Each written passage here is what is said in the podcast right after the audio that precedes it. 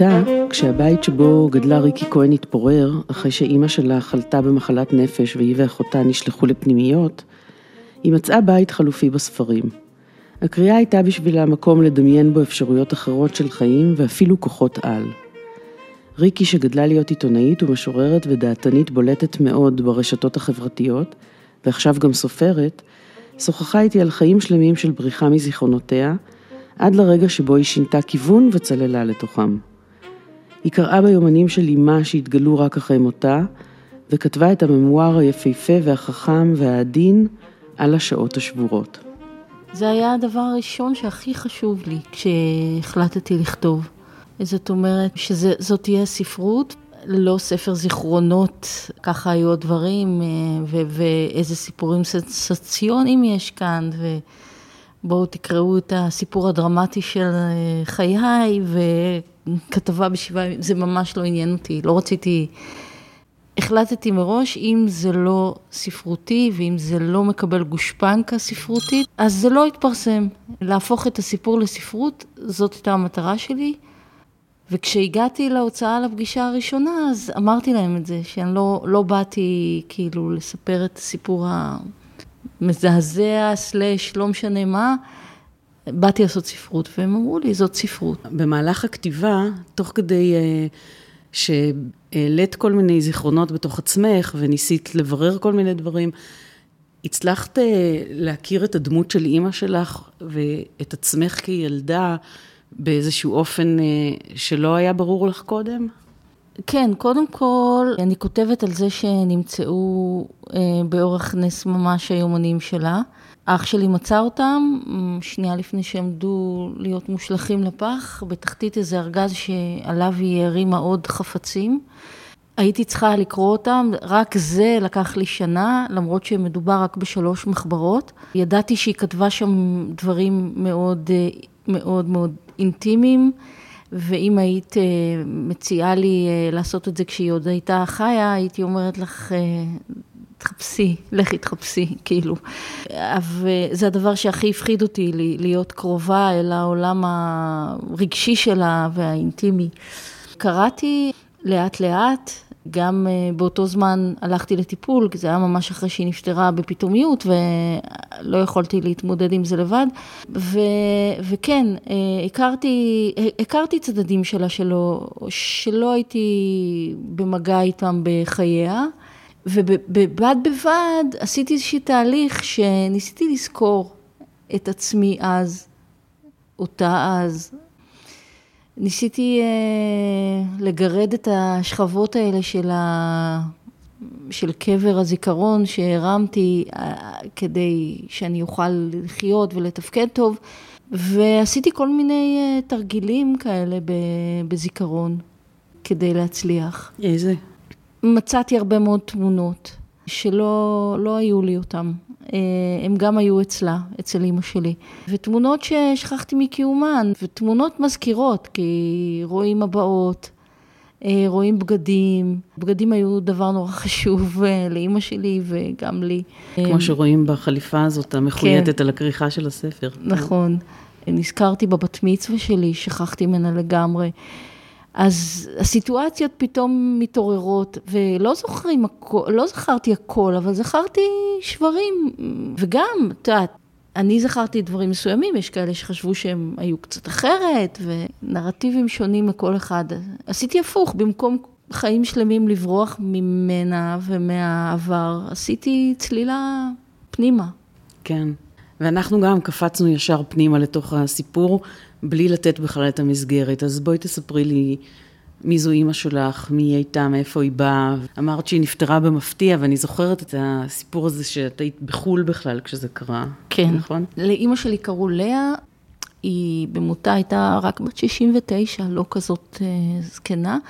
אה, אימא שלי חלתה בילדותי במחלת נפש, כשהייתי בת אה, שבע בערך, ובסופו של דבר אושפזה. ואחר כך הוציאו אותנו הילדים מהבית. אה, כמה ילדים אתם? אנחנו שלושה, יש לי עוד אחות ואח, והוצאנו לפנימיות. אחרי זה היא אה, נכנסה ויצאה מבתי חולים למתמודדי נפש. אושפזה, שוב, אה, יצאה, היה שנים כאלה של הלוך ושוב. בשמונה השנים האחרונות בחייה היא התייצבה וחיה בדיור מוגן של אנוש. שזה מין גוף שדואג, מטפל אה, במקום המדינה במתמודדי נפש, ואפילו עבדה באופן קבוע. במה? היא מכרה מוצרים שהכינו אנשים עם מוגבלויות, בקניון היה לה כזה דוכן והיא מכרה. היא הייתה מאוד גאה בזה, כשהיא הצליחה למכור, הייתה מתקשרת אליי כל יום לספר לי כמה היא מכרה. זה היה מבחינתה הישג אה, ענק.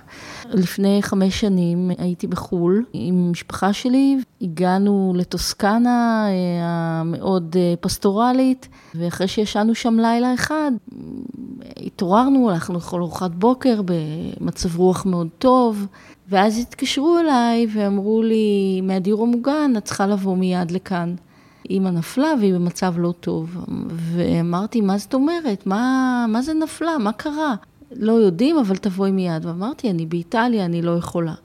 ואז אמרו, טוב, נתקשר לאבא שלך, ואכן עשו את זה, ואחרי חצי שעה התקשרו ואמרו לי שהיא לא בחיים, שהיא אה, נפטרה. ואז נאלצת בכל מקרה לחזור. כן, אני כן. השגתי טיסה באותו ערב, חזרנו, הייתה הלוויה ושבעה, ו... האמת שכבר בשבעה תפקדתי גם בתוך האבל כאיזה מין רשם קול. רציתי שכמה שיותר יספרו לי עליה, ניסיתי לזכור הכל.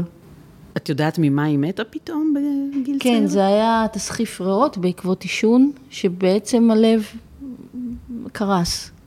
האמת היא ששנה קודם רופא אמר לה שאם היא תמשיך ככה, היא תוך שנה תמות, אבל uh, לא האמנו שזה יקרה.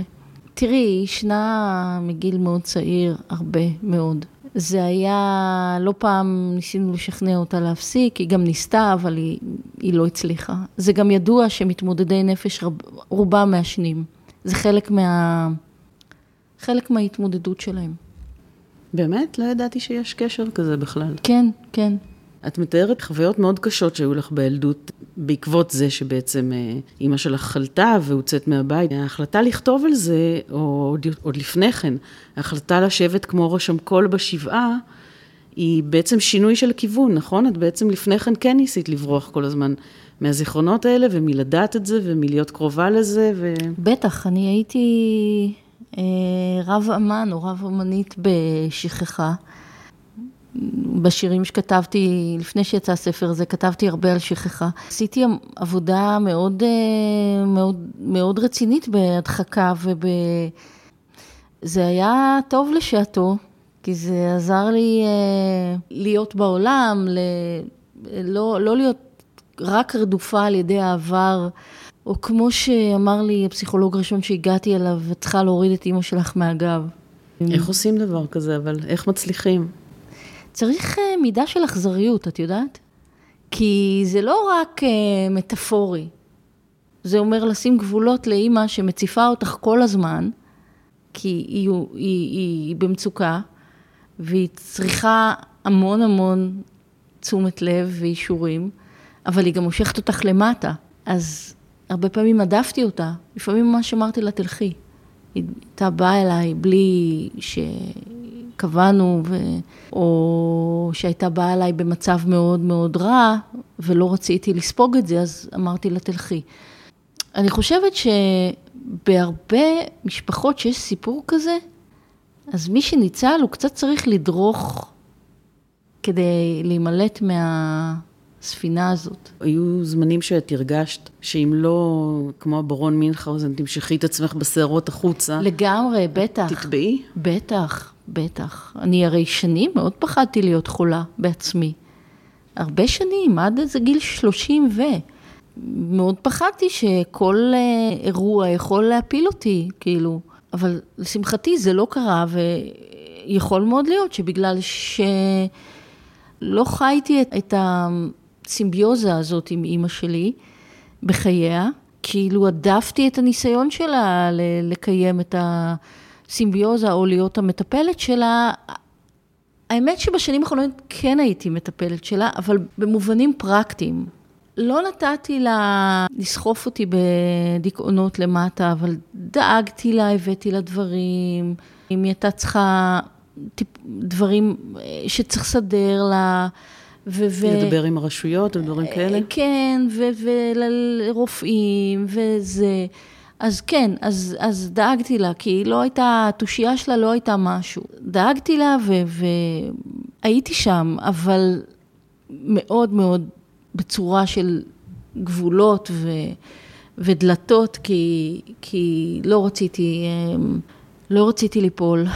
זה מצריך המון כוח, לא?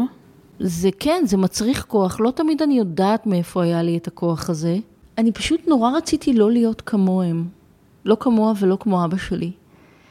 ונורא רציתי לא לתת לנסיבות של החיים ולסיפור להשקיע אותי. ו, ואז כאילו מאוד מאוד מוקדם גיליתי את הספרים, ואז את המוזיקה, והם נתנו לי איזשהו אופק, כאילו איזה, איזושהי תקווה למשהו אחר, לחיים יותר טובים ממה שהיו.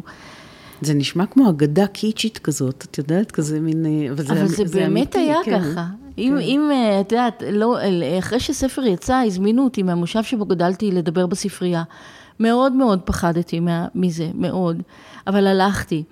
ואז הופיעה מי שהייתה חברה, אחת הטובות, ומישהי שהיא הייתה מאוד משמעותית בשבילי. ואז היא אמרה, כן, היית יושבת אצלי בבית, בקומה השנייה הייתה ספרייה, ואת כל הזמן קראת, וכל הזמן אמרתי לך, בואי לשחק, בואי לשחק, אבל רצית כל היום לקרוא. אז כן, זה מה שהיה לי. תשמעי, לא היה טלוויזיה. בכלל הכניס, נכנסה טלוויזיה מאוד מאוחר אלינו הביתה, והייתה שחור לבן, ערוץ אחד. הספרייה הייתה המקדש שלי, מקום בריחה, וכאילו, הספרים היו איזה מין, אה, הנה, יש, יש מקומות אחרים, חיים אחרים. זה, זה גם, אני חושבת, גם האסתטיקה של השפה, וזה לא רק הסיפור. זה לא רק היה כאילו מההתחלה ספרים כאלה אליטיסטים. נזכרתי היום, מישהו הזכיר לי את דני דין, וואי, מאוד אהבתי אותו. ברור, גם אני קראתי את כל הסדרה, זה רק ממרחק אפשר להבין שזה כתוב נורא ואיום. כן, אז אני חושבת שדני דין היה מבחינתי מין איזה פוטנציאל, איזה, איזה דמיון שאני יכולה, אני יכולה להיות חזקה, שיכולים להיות לי כוחות. ואז זה נתן לי פתח לדמיונות משלי. להיות רואה ואינה נראית, אני, אני לא אהיה, אבל איזה כוחות אני כן יכולה בתוך הטירוף הזה והגיהנום הזה. מה, מה בדיוק היה הגיהנום הזה? תראי, אני צפיתי כילדה קטנה באימא שלי מאבדת את שפיות דעתה. את הבנת מה את רואה? יש בכלל איזה שלב שבו את זוכרת אימא בתור מקור של, אה, שאפשר לסמוך עליו ולהישען עליו אה, מקור הגנה? כן, לפני שזה התחיל, ההידרדרות, אז uh, היא הייתה אימא מאוד uh, חיונית, מאוד כזאת מתלבשת ואוהבת לצאת לרקוד ריקודי עם או ריקודים סלוניים, ודעתנית מאוד, ואוהבת נורא מוזיקה ברדיו. כזה שירי שנות הש... אלוויס, היא הייתה חולה על אלוויס. ושם אני הרגשתי שהיא מאוד מגוננת עלינו. וכמובן בסיפור עם הנחש. זה באמת אחד הקטעים הכי בלתי נשכחים בספר, אבל אולי תקראי אותו. טוב. יש לו שתי גרסאות, את מעדיפה את הראשונה? אני, לא אכפת לי איזה מהם תקראי, ואחר כך נדבר על למה יש לו שתי גרסאות גם. טוב. אנחנו בקדמת הבית, מאחורינו עשבים גבוהים. כבר כילדה ידעתי היטב מה רוכש בהם. כי בוקר אחד, בערך באותה תקופה, הגיח נחש צפה מתחת למיטה שבה ישנתי עם אחותי. כבר היינו ערות וצפינו בו יוצא מתחת למיטה, ובאימא שרוצצה את ראשו ברגליה. צפינו במחזה בבעתה וראינו איך הצפה צהוב המאוינים ובעל הראש המשולש טיפס במעלה רגליה שאולי היו חשופות ואולי זיכרון מגזים. אני זוכרת שחשבתי בחרדה מצמיתה, הנה, הנה הוא מקיש אותה והיא תמות פה מולי. החרדה מסמרה את שתינו למיטה, לא הוצאנו הגה, קיפאון של אימה, עד שהתגולל גמור מתחת לרגליה. מעודי לא ראיתי את אימא כך, כאילו חיה זרה שלטה בה ברגע ההוא, פניה מעוותות מזעם, גופה אסופה של כוח. היא דרכה עליו בכוח, בתנופה פראית, שוב ושוב בנעליה, ולבסוף רוצצה את ראשו. אלפי פעמים הקרנתי את הסיטואציה הזאת במוחי, פירקתי אותה לשברירי שניות ומראות, וביניהם הסת... הסתננה השאלה הטורדנית שאין לה מענה. איך הוא לא הקיש אותה? ובהמשך, את גם תוהה אם uh, זה משהו שאת הרגשת בלילה חולף על הגוף, נכון? נכון, במיטה, נכון. אותו נחש. אני בטוחה שכן. שהוא לפני כן נכנס למיטה שלכם וגם לא הרג אתכן. אני מניחה שבגלל שלא זזנו. כן. אבל כשהרגשתי אותו על השמיכה זוחל, אז גם הקפדתי להישאר ללא ניע, כי אמרתי, מה זה, יש כאן משהו, משהו זוחל עליי, ואני צריכה להישאר קפואה. והסיבה שיש לסיפור הזה גרסה נוספת בספר, היא משום שאת כל הזמן עסוקה בשאלה הזאת, מה הזיכרון, ומה הזיכרון נעוץ באמת, והאם הוא מתעתע, והאם יש לו אפשרויות אחרות. נכון, זאת השאלה שמובילה את הספר, איך עובד הזיכרון. את הדבר הזה, את האירוע הזה, אני זוכרת בצורה, כל יום מהחיים שלי מאז. זה פשוט כל יום איפשהו נמצא. ואף אחד לא יכול להגיד לי שנגיד זה לא קרה. בסדר, גם שאלתי את אבא שלי וזה, כאילו, אחותי, זה קרה. האם זה קרה בדיוק כמו שתיארתי את זה מבחינת הרגליים החשופות?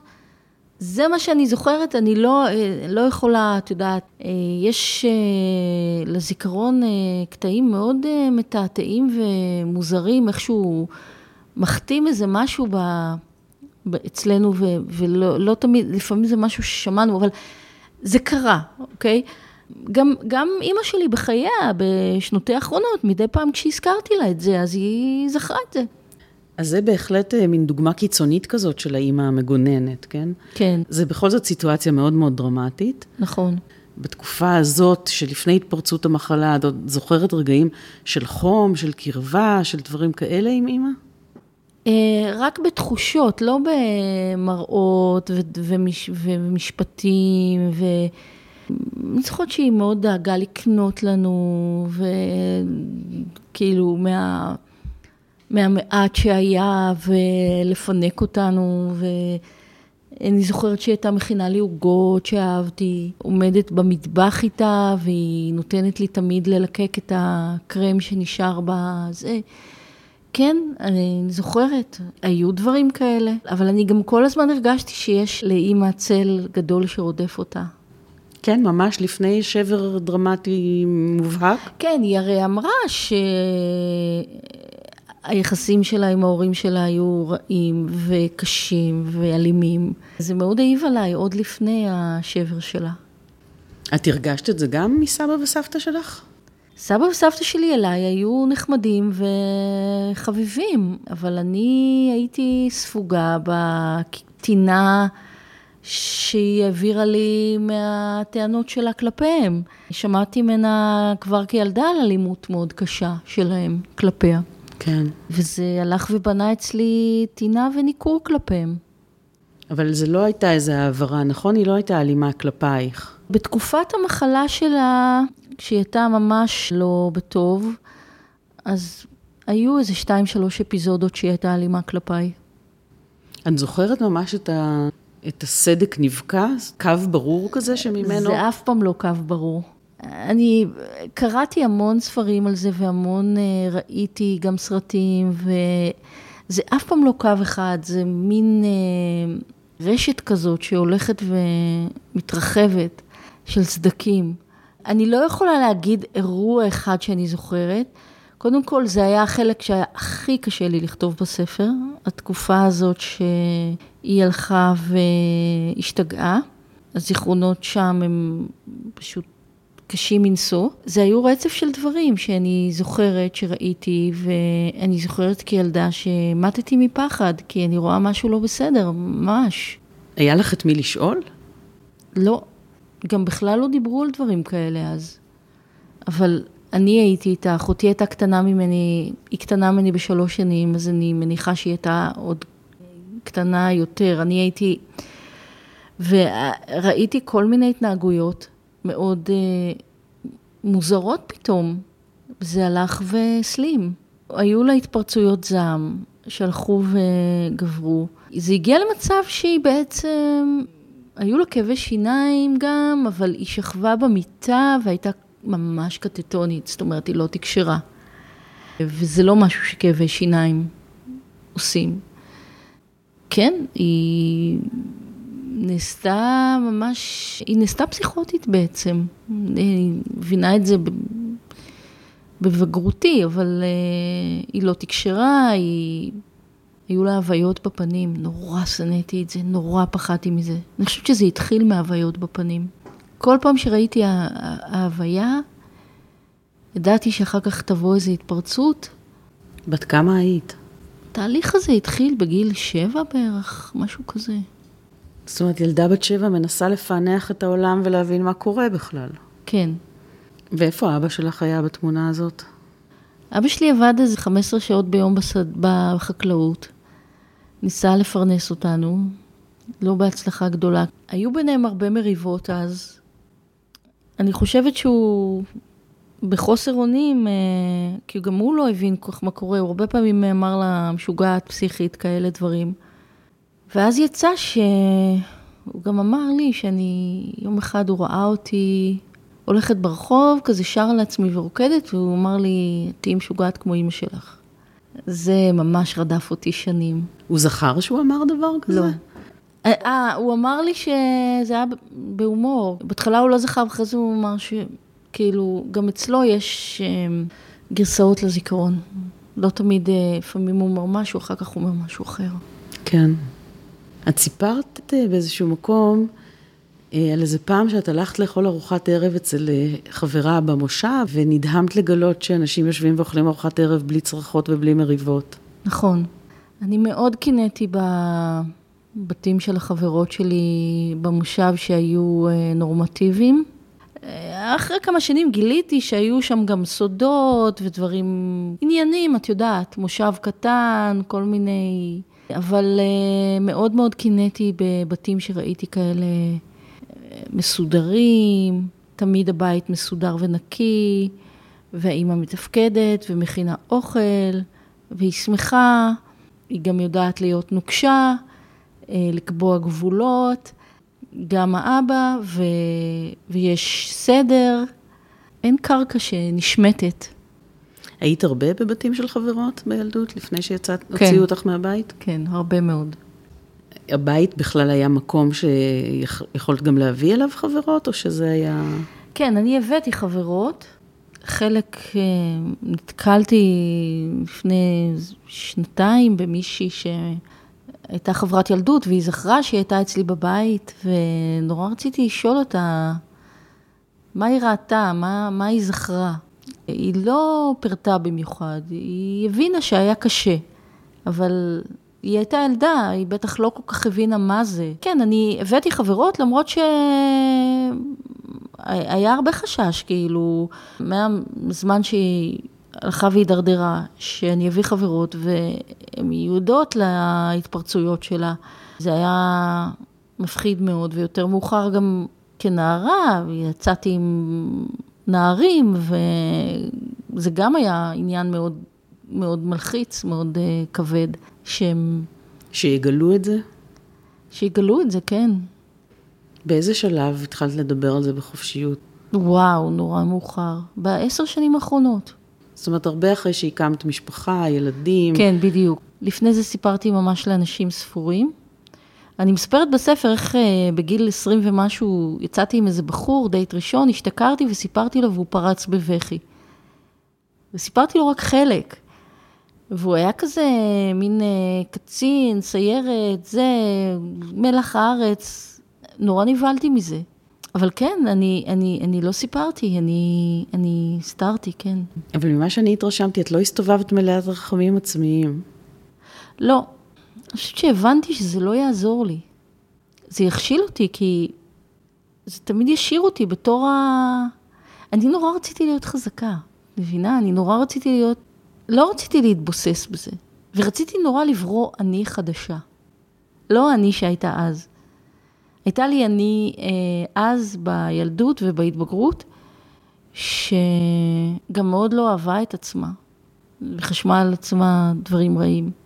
אה, למזלי, הלכתי לטיפול בגיל 20, ועבדתי על זה, אבל הייתי כן, התחלתי, הגעתי לתל אביב בגיל 20, התחלתי לעבוד במקומונים בגיל 21. הייתי כזאת, אה, כאילו חיי לילה, מועדונים, העבודה בעיר. הם לא, כאילו, הם לא ידעו בכלל. הגעת ש... ממש לכוכב אחר, נכון? לעומת כן, המושב והילדות. לגמרי, לגמרי. אבל, אבל עוד בגיל 15-16 אה, התחלתי לנסוע לפינגווין. אה, חבר... והיית לבושה בהתאם? כן, בטח. מועדון לילה? כן, אני הייתי מגלחת... מועדון לילה זה נשמע כזאת מילה ישנה עכשיו, לא, לא, שאמרתי. בפינגווין זה היה, זה לא היה להתלבש יפה. לא, ברור. של הפינגווין והתסרוקות. הייתי פנקיסטית, כן. וגילחתי את השיער, וצבעתי אותו, וג'ל ובגדים שחורים רק, ועגילים ושרשראות כאלה במקום חגורה, כן, כן, אה, חשבתי שאני פנקיסטית, לא, את יודעת, היום אה, אני מבינה, זה לא, זה היה וונאבי כזה, אז ראיתי שם את תל אביב, ועוד יותר הייתי נחושה שאני פשוט אגיע אליה, וזה יהיה הבית שלי, ושם תהיה האני החדשה שלי. ואני החדשה שלך באמת מאוד שונה מהילדה, כי הילדה נשמעת ילדה מקסימה. לקח לי שנים להבין את זה, שהילדה הזאת היא לא, היא לא קורבן, היא לא מישהי ש... שאפשר להכות אותה, שהיא מסכנה ועלובה כזאת, עם מזל נורא רע, ושצריכה להתבייש בהרבה דברים. לקח לי זמן להבין שרק אם אני אתן לה גם מקום, אני אפסיק להיות חרדה כל הזמן שאני אאבד את זה או משהו. כשהוציאו אתכן מהבית ו... ומצאת את עצמך פתאום בפנימייה, היה בזה גם איזשהו מימד של הקלה? בהתחלה הייתה התלהבות גדולה, אני זוכרת. אה, ממש התלהבות? בהתחלה אני הייתי הוציאו אותנו, הייתי בת 11, כאילו לא היה לי טוב מבחינה חברתית, לא במושב ולא בבית הספר. נורא רציתי חברים חדשים. התייחסתי לזה כאל משהו אה, הרפתקני, מסעיר וזה. כשהגעתי לזה, כשכבר הייתי שם, אז בא משבר נורא גדול, נורא התגעגעתי לאימא שלי. והיא בעצם הייתה מאושפזת באותו זמן? כן. שבגלל זה בעצם כן. נלקחתם מהבית. הוא כן. כבר לא יכול היה לטפל בנו לבד. אבא שלך, כן. כן. וסבתא שלי בהתחלה טיפלה בנו בשנים הראשונות, אבל גם היא כבר לא יכלה לטפל בשלושה ילדים. אחי הקטן עוד נשאר, כי הוא עוד היה קטן מדי, אבל אחרי שנתיים, שלוש גם הוא יצא. מאוד uh, התגעגעתי אליה וכתבתי שירים עצובים על אמא שלי. ונתנו לך אה, לבקר אותה? כן, לא הרבה, וכל ביקור היה פשוט גיהנום. למה? זה לא מה שקורה היום. את מסתובבת, ואת ילדה, ואת רואה את אימא שלך חלומת תרופות, ואת רואה אנשים זומבים מסתובבים הלומי תרופות, פשוט זומבים, זה, זה, זה נורא לראות את זה. ואת חושבת שאת פשוט הגעת לכור המצרף. לא היו לה תקופות כאלה שיכולת פשוט לשבת ולדבר איתה ולספר לה? אני לא זוכרת דבר כזה. ולא ידעת שכל הזמן הזה היא כותבת. לא, בשנים האחרונות שלה ידעתי, מדי פעם היא הראתה לי משהו, אבל לא רציתי מגע עם זה. כי ידעתי שאני אפגוש בכתיבה שלה הרבה סבל וכאב, וזה היה בשבילי יותר מדי. אבל מגיל מסוים, בלאו הכי אה, אמרת שהייתה מטלפנת, שהייתה באה, שהייתה... מבקשת ממך עזרה. נכון, חילצתי אותה הרבה פעמים מהתקפי מניה שבהם היא פיזרה צ'קים והיה צריך אה, להתמודד עם החוב שהיא יצרה ועם נושים אה, ולנסות לסדר את זה. אה, מצבים שצריך להתערב עם הצוות הרפואי, לדבר עם הרופאים או עם הצוות המטפל. אני לא אשכח שאחרי שילדתי את בני הבכור, בשבועות הראשונים הייתי כולי אבודה לגמרי, מוצפת לחלוטין, אומללה נורא, ואז אני מקבלת טלפון מהעובדת הסוציאלית של אימא שלי, שהיא במצב לא טוב, וצריכים את העזרה שלי שאני אבוא ואני אנחם אותה ואהיה איתה ואדבר איתה. עכשיו, אני במצב שכאילו, דווקא אז הייתי הכי צריכה אימא, שתראה לי שאני עושה בסדר, שאני לא מסכנת את הילד שלי, כל הזמן פחדתי שיקרה לו משהו, ולא, אז היא התקשרה, והיא מאוד צריכה את ה... עכשיו אותך לצידה. אני פשוט שאגתי עליה. ולא נסעת. מה פתאום? לא, אני גם הייתי בעצמי אז מאוד חלשה, כי התמודדתי עם ילד ראשון, תינוק שכל הזמן צרח, עם המון המון אה, רג, רגשות של אה, אני לא יודעת, אני לא יודעת איך עושים את זה, אני, אין לי מדריכה, אני משוועת למישהי שתהיה איתי, ואני לא יכולה, לא יכולה לתת לה גרם אחד עכשיו. כאילו, אני קודם כל צריכה לטפל בילד שלי. וזה היה ככה גם אה, בהמשך, ואחרי שנולדה לי עוד בת. אוקיי, אני, אה, היו נסיבות, לא יכולתם אה, לגדל אותי אה, בצורה תקינה. אני את הילדים שלי לא רוצה להעביר להם את, ה, את זרע הפורענות הזה. ולכן גם מאוד הגבלתי את הביקורים שלה ואת המגע שלה איתם, וסיפרתי להם רק בגיל מתקדם על המחלה שלה. זאת אומרת, בתור ילדים קטנים הם, הם פגשו אותה לעיתים רחוקות? יחסית, כן. ומה שימש לך אה, מדריך בהיעדר אימא שתלמד אותך איך להיות אימא? אה, אימהות אחרות באינטרנט. אני חיפשתי נואשות בפורומים אימהות שזה היה גם לטובה, אבל לא תמיד. כי יש כל מיני אימהות באינטרנט. בערך באותו זמן התחלת לכתוב את הבלוג אה, קורות האם העובדת, נכון? נכון, נכון עובדת בדיוק. באלף. נכון. שבעצם כך הכרנו, זאת אומרת, נכון. אני כך נחשפתי לכתיבה שלך. את כאילו הנחת את עצמך שם חשופה לגמרי. לא אמרת, אני צריכה להציג רק תמונה חיננית ואוהבת ומאושרת, וכמו שרואים היום הרבה מאוד ברשתות החברתיות. הייתי אה, בסערת רגשות מאוד גדולה, הייתי מאוד לבד. השתמשתי בכלי שאני מכירה, והוא הכתיבה. ולמזלי, הכרתי איכשהו את הבלוגים, את, ה, את רשימות, הציעו לי לפתוח בלוג שם. הכתיבה הייתה חשובה לי, הכתיבה עצמה והרצון לקבל הד ותגובות, וגם איזשהו מקום לאוורר את הכאוס שהרגשתי. אני נורא נורא כעסתי, כי ראיתי את הטירוף הזה של ההצגה שאימהות זה דבר נפלא ומלא אושר וורוד, ו... ואיך זה ביום-יום, רמת ההקרבה הנדרשת, אי השוויון בחלוקת התפקידים בבית. הדאגה. הדאגה. הדאגה הייתה מאוד מאוד מייסרת. אחר כך בעבודה, צורך לתמרן בין עבודה לבית. המשכת לעבוד בעיתונות. בוויינט, כן, עבדתי כן. אז בוויינט. כן. כן, אני מראשוני האינטרנט העברי, הייתי ב-IOL וכזה. אני מאוד רציתי, רציתי שידברו איתי על זה. ורציתי להבין, כאילו, איך זה יכול להיות שיש כזה דיסוננס? זאת אומרת, למה אני לא מסתדרת עם זה, עם האימהות הזאת? למה זה כל כך uh, קורע אותי? אני מטורפת על הילד, זה לא העניין. כן, ברור. ואז אחר כך התמרון הזה בין העבודה לאימהות, ושאלות שעוררו בי הרבה מאוד כעס. התחלתי לכתוב את הבלוג, ואז אחרי שנה אה, שלחתי, אה, אספתי אותו ושלחתי קטעים לנועם עיניים מכנרת זמורה ביטן.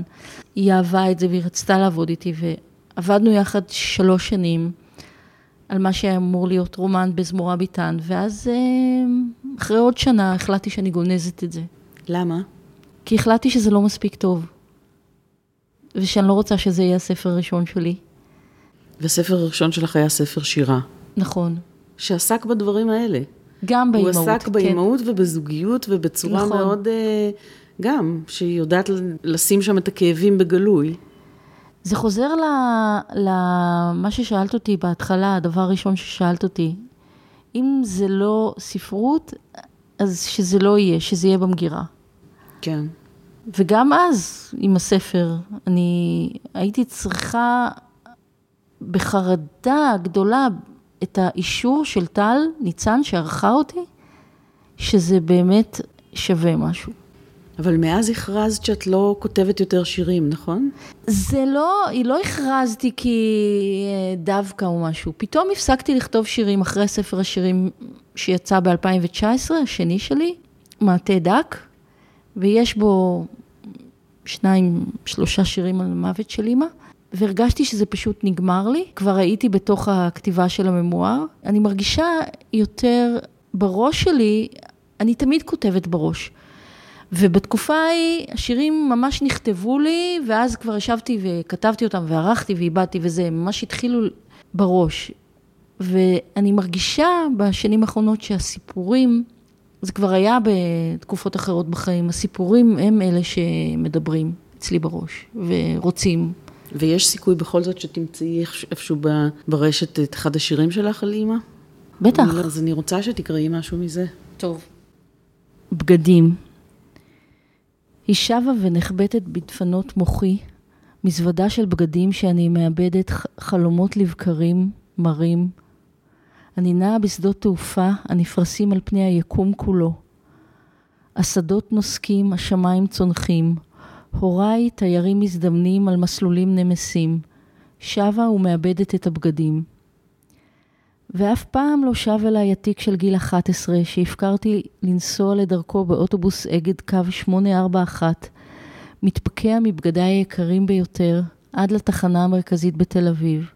גשם שחור זלג והתערבב בבכי התמרורים של אמא, שבת שלמה, ובבוקר יום ראשון שבתי אל פנימיית הילדים, ואמתחתי ריקה. זה סיפור שקרה? כן. שירדת מהאוטובוס והשארת את התיק שם, בדרך מהפנימייה כן, הביתה? כן, היה לי אוברול Levi's לבן נהדר. התאמצו מאוד לקנות לי אותו. כן. נורא הצטערתי עליו, ואימא שלי באמת בכתה כל השבת. בכי מוגזם, בכי של... כן. שנייה, את רוצה עוד אחד? Mm-hmm. בובה. אני בת שבע, מתבוננת באמי כשהיא רוכנת מעל הכיור, שוטפת כלים, ומבינה שהיא אישה ממוכנת. לאחר שנים אני כבר אימא, מתבוננת בילדה שלי ולא מצליחה לראות אותה. המבט המפענח כהה. הילדה חומקת כדגיגה שנחלמה לשבריר הכרה. צבעיה היפר-מציאותיים, מסמאים. ערב קלוף אחד, הילדה פותחת מגירה גדולה, שולפת בובה ישנה מגיל שש שקניתי לה בתקופה הרדומה, כשהמבט התהפך פנימה. היא כמעט נערה עכשיו, והיא משליכה אותה לפח בעונג לא מוסתר. מה את עושה? אני קוראת בתדהמה. סתם בובה זקנה היא לועגת, ואני רואה. הבובה שבורה ואין לה תקנה. מה זה התקופה שבה המבט התהפך פנימה?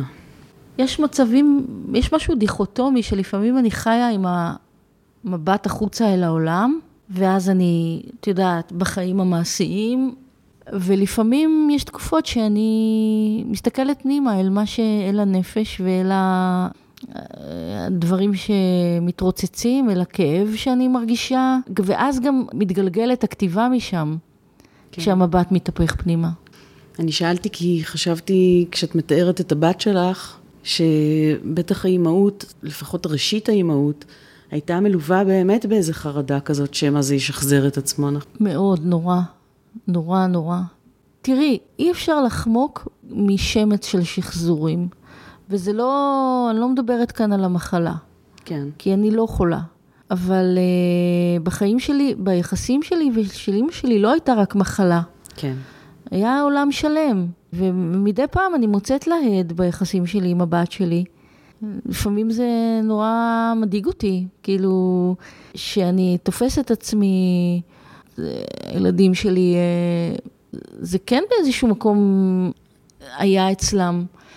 בראש. כתבתי בספר שהיה לי ריב עם בת שלי והיא אמרה לי את משוגעת וזה מאוד מאוד הכאיב לי. לא כי אני חושבת שאני משוגעת, אבל זה מין שחזור כזה כפוי, את מבינה? כאילו אין, אין ברירה, אלא להיות בסיטואציה הזאת.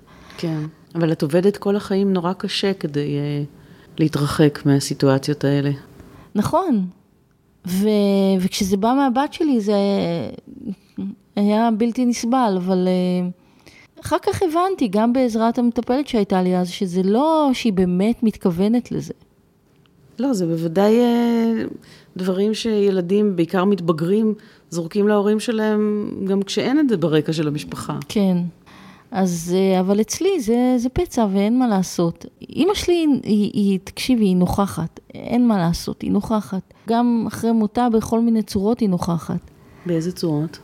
אני לפעמים מרגישה את הנוכחות שלה. אני לא בן אדם מיסטי, אבל אני כאילו מרגישה את ה... אני לפעמים מדברת איתה בדמיון. לפעמים כשמשהו מסתדר לי, אז אני מדמיינת שהיא דאגה לזה. כשאת אה, קראת את אה, המחברות האלה שלה בשביל לכתוב, או בשביל, קודם כל בשביל לקרוא, אבל אחר כך גם בשביל לכתוב את הספר, את מרגישה שבאמת את אה, מכירה יותר דברים, את מבינה יותר דברים, או שגם הטקסטים האלה היו כאוטיים?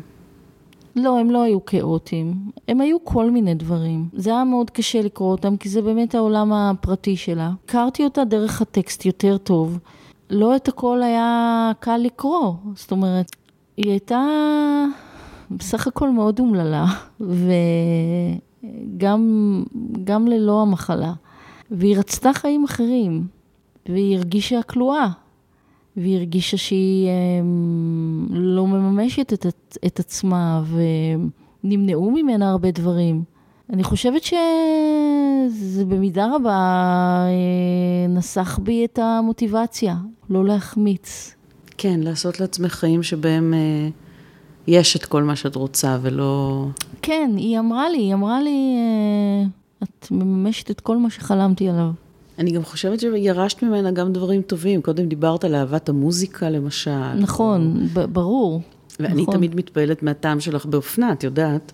תודה. אני יודעת את זה. נשים שדיברו איתי אחרי מותה, ציינו הרבה פעמים כמה, כמה יפה היא התבטאה, וכמה אוצר המילים שלה היה יפה, ו, ולא מזמן פגשתי אישה ש... הייתה מרפאה בעיסוק שלה באשפוז, והיא זכרה אותה אחרי, מדברת לך לפני 30 ומשהו שנה, והיא זכרה איך היא הייתה יוצרת דברים מאוד uh, יפים שם, שהיה לה נורא חשוב להיראות יפה, וזה... אז, אז כן, היא, היא, ב, בוודאי, היו בה הרבה דברים, היא רצתה הרבה דברים, אבל זה מה שהיה. כשאמרתי לה שאני נוסעת לאיטליה, אז היא שוב אמרה לי שאני מממשת את כל החלומות שלה, וזה נורא הרגיז אותי. כי... למה? זה משהו שהורים הרבה פעמים אה, מרגישים איזו שמחה. כן, ה... אבל אני חייתי הרבה מאוד שנים עם הרגשה שאני אה, אני, אני קיבלתי את כל מה שהיא לא קיבלה. ולכן זה מלווה באשמה? בטח, בטח. אז היא אמרה שהיא מאוד חלמה לטייל בפירנצה, ואני נורא רציתי אז בטיול הזה להגיע לפירנצה. היה, זו הייתה המטרה הראשית שלי, רציתי לראות אומנות. ולא התקשרתי אליה אה, במשך השמונה ימים עד שהודיעו לי שהיא כבר אי אפשר, אין למי להתקשר. אני רוצה שתקראי מתוך אה, על השעות השבורות, הממואר כן. שלך. חיים שלמים את נאבקת כדי שאימא תהיה בגודל קטן דיו בשביל לא לתפוס את כל החמצן בעולם, ואז היא איננה. והאיננה זה כל כך גדול, שהוא כוכב לכת עצמאי בעולם שלך. כל ימיה היא הלכה ממני, הלכה מן הממשות ומעצמה, מתפקיד האם. אפשר לומר שההליכות האלה עיצבו אותי. הייתי זו שיודעת הליכות. נבנה בי מנגנון תגובה לבריחות. כשברחה מהבית היא שבה לעתים, אחרי כמה ימים, אבל רק לכאורה, נתח ממנה נותר במקום שהלכה אליו. ובבית היא צפה בערפל סמיך של סיגריות אירופה, של ערגה גדולה ופראית שאבא כינה האשליות שלה, לבסוף הלכה מן השפיות. וכמו שסיפרת קודם, כשהיא הלכה לגמרי, זה כבר היה אחרי איזה הימים שאת לא שיתפת אותה בחוויות האלה ולא דיברת איתה וכו', כן, ופתאום כי... אין עם מי. נכון, כי לא רציתי להגיד לה, וואו, כיף לי, אני רואה, אני באגם קומו, זה כל כך יפה כאן. והיא לא תזכה, היא לא... אז יכולת בטח לשאול אותי, למה לא לקחת אותה איתכם? לא שאלתי את זה כי זאת נראית לי מטלה כל כך קשה, שלא שיערתי ש... זהו, אז... מוכנה לקחת את זה אז, אז אנשים, נכון, אז אנשים אחרים היו יכולים לשאול, והם לא מבינים מה זה, כאילו, כי לאנשים, יש הרבה אנשים שזה נורמלי בשבילם לקחת הורה לטיול, אבל עבורי, עם המשפחה, עם כל כך הרבה זהירות ופחד. ומה באמת הייתה התחושה שלך שפתאום ההליכה שלה נעשתה סופית? חוץ מהעצב שאני בטוחה שקיים, זאת אומרת שאני יודעת שקיים. קודם היה הלם, היה כאב נורא, ובצידו נזיהיתי גם הקלה. וזה משתנה עם הזמן שעובר? כן, נורא מצטערת שהיא לא פה. תראי, אני נורא נורא פחדתי שהיא תהיה זקנה, קשישה. אין פתרונות טובים לקשישים מתמודדי נפש. מאוד קשה. איפה היא הייתה כשהיא מתה? באיזה מין סוג של מסגרת? דיור מוגן של אנוש, עם עוד מתמודדים. שזה הבית אה, נחמד ועם טיפול אה, טוב. ומשום מה, דווקא כשמתמודדי נפש מגיעים לגילאים ממש מבוגרים, המענים האלה כבר לא קיימים, של הדיור המוגן, והמענים הם יותר אה, סטנדרטיים, כמו בית חולים סיעודי או כאלה. אני מאוד מאוד פחדתי ש... ידעתי שאם מישהו יצטרך לטפל בה בזקנתה זה רק אני. כן. ומאוד פחדתי מזה, אני מודה. אבל... פחדת שהמצפון שלך יגיד לך שאת צריכה לקחת אותה הביתה, ושזה בעצם לא אפשרי. כל מיני דברים, כל מיני התמודדויות, איך, איך אני... איך אני אהיה המטפלת שלה. כן, אז, אז אה, בדופן מסוים הרגשתי את ההקלה הזאת, אבל עם השנים שעוברות, אה, אני מצטערת שהיא לא פה ושהיא לא רואה את זה. את הספר. באמת? כי אמרת קודם שלא היית מעיזה לכתוב אותו בכלל, לו היא הייתה בחיים. נכון, אבל אה, אנחנו, ברור שלא הייתי כותבת אותו כשהיא הייתה בחיים, אבל אה, אם הוא כבר נהיה, וכשהוא, איכשהו נהיה, אז אין לי ספק שהיא לא הייתה אוהבת אה, כמה דברים פה. הספר קיבל תגובות נורא נורא טובות, נכון? כן. אמרו לי כמה שהכירו אותה, שהיא מאוד התגאתה בכתיבה שלי. אבל תשמעי, אני נורא רציתי, בין היתר, לא רק שזאת תהיה ספרות, אלא רציתי נורא לברוא את אימא שלי בכתיבה כאישה, כבן אדם, עם, עם אישיות, עם, שהיא לא רק חולה. כן. על כל הצדדים שבה, גם צדדים לא זוהרים מאוד. להרחיק רגע את הסטיגמה ו- ולראות אותה קודם כל דרך המחברות, ואחר כך דרך שיחות עם אנשים שהכירו אותה, ו... ודרך הזיכרון, ונורא ניסיתי להתאמץ לראות אותה כמי שהיא הייתה באמת. ואת מרגישה שהצלחת? במידה רבה כן. תשמעי, לכל בן אדם יש סודות, תחתיות כפולות של סודות, זה במזוודה שלו, אבל... היו דברים שנחשפו בפנייך רק אחרי שהספר יצא? כן. כל מיני דברים על, למשל, שדיברתי קודם על המרפאה בעיסוק, שפתאום פגשתי אותה באירוע שבו דיברתי על ספר. והיא תיארה לי איך היא הייתה מסתובבת עם פרח אדום בשיער, ואני בכלל לא זכרתי את זה, ושאלתי את אחותי, מה, מה, זה יכול להיות? אז היא אמרה לי, כן, בטח. אני כרגע לא זוכרת בדיוק, אבל היו עוד דברים שחשבתי, וואי, חבל שזה לא נכנס לספר. אחד הדברים שנורא הצחיקו אותי בהשקה של הספר שלך, זה שאת אמרת שיותר מאשר שבני משפחה באו בטענות על איך הם מוזכרים, באו בטענות אלה שלא הוזכרו בכלל. כן, היו כאלה. והיו גם uh, טענות מהצד של המשפחה של אימא שלי. היו כאלה שאמרו, מה, לא כתבת עליי, וכאילו... יש כאלה שמתייחסים לספר כאל... לא, כאל מין עדות. ואני לא רציתי שזאת תהיה עדות. כן. את הפכת למין אה, מישהי שאנשים באים ומספרים לה סיפורים דומים בעקבות זה? כתבו לי המון אחרי שהספר יצא, המון. גם מתמודדים, גם בני משפחה של מתמודדים, והשבתי כמיטב יכולתי ובהתרגשות, וגם הרגשתי שאני, אה, כל הזמן נמצא אצלי הרצון אה, לשים גבול, לא להיסחף לזה. כן. אני רוצה שתקראי עוד איזה קטע מהספר. בעיניי הוא מאוד מאוד אופטימי. הוא עצוב במידת מה, אבל הוא נורא אופטימי, אז uh, את הקטע הזה פה. אם תגידי מילה על מה זה השיר שלפניו. אה, אני מדברת על השיר אה, פורקי טווס של הזמרת ג'נט, שהופיע בסרט קריאת העורב של קרלוס סאורה. סצנה שבו ראיתי את, ה, את הסצנה הזאת מהסרט בילדות אצל חברה, והוא מאז אה, מאוד אה, הלך איתי כאיזה מין שיר מוטו, אז אני אקרא. בבוקר שלאחר כתיבת השורות האלה שמעתי את הבן שלי שואל את אביו, שותפי לחיים, אם הוא זוכר את השיר פורקי טווס. פעם נהגנו להקשיב לו מתנגן מהטלפון הנייד, היינו שרים את המילים בשפה שאיננו דוברים, אבל תמיד זה היה לא יותר משיר מתקתק וחביב בקולה הנוג של הזמרת. אני שומעת את השיחה בין הבן לאבי וחושבת איך המשפחה החדשה שלי גודעת את ההקשרים הישנים שלי ומנטרלת אותם, מייצרת סיפור חדש.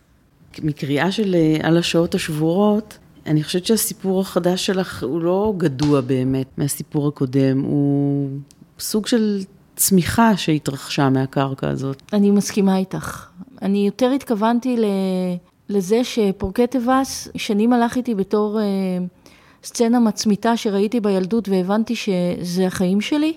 כן. ואני הילדה שאימא שלה משתגעת, כמו האימא בסרט. אני זוכרת את זה, אבל הוא גם יכול להיות שיר שמהנה אה, להקשיב לו, או לשיר עם המשפחה.